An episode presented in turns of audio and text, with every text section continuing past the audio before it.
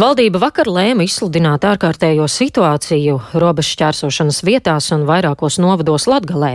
No Krievijas ieceļot būs apgrūtinoši. Bet kas sagaida Ukraiņu bēgļus Latvijā pēc 31. decembra? Biedrība gribu palīdzēt bēgļiem, vēstulē aicināja saimu pievērst tam uzmanību. Ukrainas civiliedzīvotāju atbalsta likumā nepieciešami grozījumi, kas saistīti ar primāro atbalstu. Par šo un citiem jautājumiem, kas saistīti ar patvēruma meklētāju politiku, sarunāšos ar Providus migrācijas un integrācijas pētnieci un organizācijas gribu palīdzēt bēgļiem valdes locekli Agnesi Lāci. Labrīt! Labrīt! Šobrīd, tātad, kā liecina pieejamā informācija, Visa palīdzība Ukrainas bēgļiem izbeidzas 31. decembrī. Aizvien nav skaidrs, kas notiek tālāk. Jā, jāsaka, ka mēs esam saņēmuši no politiķiem signālu, ka šis primārais atbalsts varētu tikt pagarināts arī nākamajā gadā.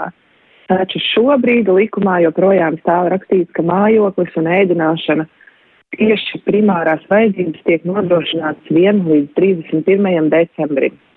Šķiet, ka līdz tam brīdim vēl ir palicis diezgan daudz laika. Vienlaikus, um, kā mēs zinām, viens no izmitināšanas veidiem ir iespējams uz 120 dienām. Un šobrīd, ja sāk uh, izmitināšanu kādam no tikko atbraukušiem ukraiņiem uh, šajā režīmā uz 120 dienām, tad līdz gada beigām uh, tas vairs nesanāk tās ir mazāk dienas. Tas ir jautājums par to, kā mēs pa varam paskaidrot šo situāciju gan pašvaldībām, gan nevaldības organizācijām, gan vissvarīgāk pašiem upraņiem par to, cik ilgi un kāds atbalsts viņiem būs pieejams. Uh, tādēļ jau pagājušajā nedēļā uh, saimnes komisijā vērsām uz to uzmanību, kad tika veikti citi grozījumi Ukraiņas civiliedzīvotāju atbalsta likumā, uh, Un, un joprojām turpinam to darīt, jo, jo mūsuprāt, cilvēkus, kuri šeit ir nonākuši bēgot no kara, ir necilvēcīgi pakļaut situācijai, kurā viņu saņemtais atbalsts nav skaidrs, nav drošs un, un nav stabils. Nu, ar šo tad visticamāk būs jātiek galā nākamajai saimai. Kā jūs redzat, vai tie atkal būs kārtējie pēdējā brīža lēmumi? Uh, nu šobrīd tā šķiet, jo ja mēs, uh, ja mēs gaidīsim, kamēr tiks noformēta jaunā valdība, uh, kura tad izlems par šo politisko rāmi, tad tas izskatās, ka tas būs pēdējā brīža lēmums.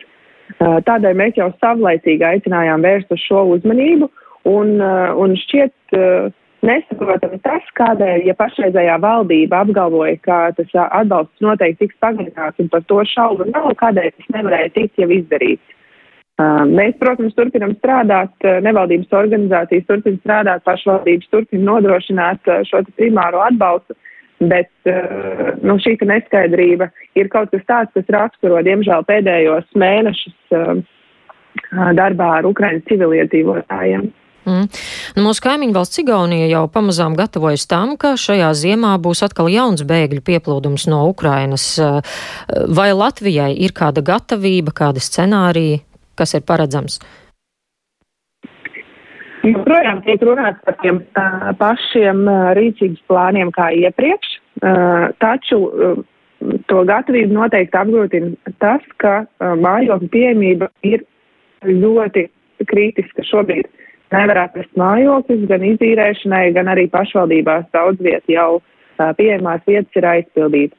Mēs zinām, ka notiek mājokļu pielāgošana, bet tā notiek diezgan lēni, un ja nu gadījumā būtu šāds lielāks pieplūdums, tad um, izmitināšana noteikti būs viens no izaicinājumiem.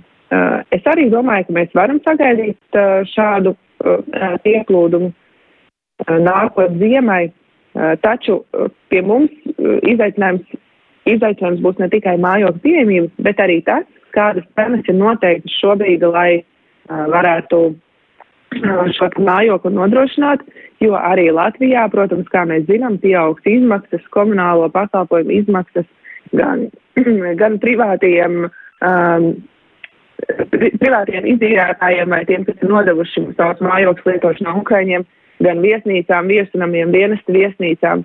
Un uh, pašreiz noteiktie cenu griezti ir kaut kas tāds, kas noteikti mm, radīs es teiktu, šķēršļus tam, lai atrastu vēl papildu vietas, piemēram, turisma mītnēs gadījumā, ja šis, ja šis cilvēku skaits pieaugs. Jā, nu papildus visiem izaicinājumiem ar šo būs jātiek galā.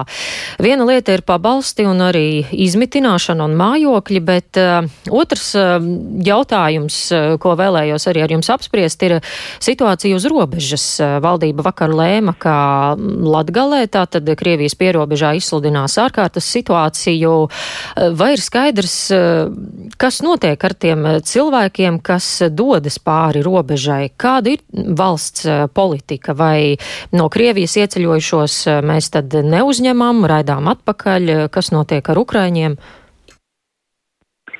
Nu, šobrīd pēc pašreizējā ārkārtas situācijas regulējuma es saprotu, ka tas nedaudz atšķiras no tā, eh, kā tas bija mm, situācijā ar Baltkrievijas pierobežu.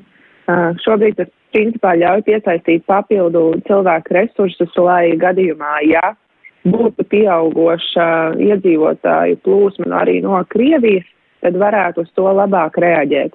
Pašlaik šādu ievērojumu pieaugumu novērot nevar.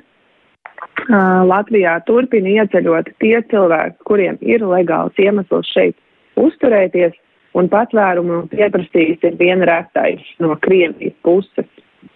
Arī šobrīd neesam dzirdējuši, ka būtu vairāk sarežģījumu ieceļot tiem, kas um, brauc no Ukrainas caur Krievijas teritoriju.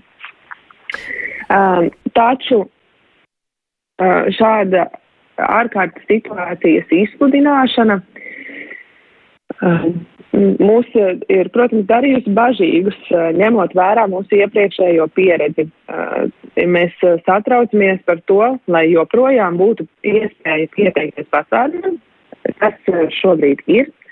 Mēs uh, arī uh, ceram, ka arī turpmāk nevaldības organizācijas un mediji varēs piekļūt robežai un gan sniegt atbalstu Ukrainas civiliedzīvotājiem, kas šķērso šo Latvijas-Krievijas robežu, jo brīvprātīgie no nevaldības organizācijām nereti sniedz palīdzību iedzīvotāju transportēšanai, Ukrainas civiliedzīvotāju transportēšanai Latvijas teritorijā. Um, un, un tāpat tās, arī tas, ka mēdījiem ir joprojām piekļuve šai robežai, lai varētu uzraudzīt situāciju un par to ziņot, uh, tas arī ir ļoti svarīgi. Pašlaik mēs mm. neredzam nekādas izmaiņas šajā jomā, taču uh, turpināsim sekot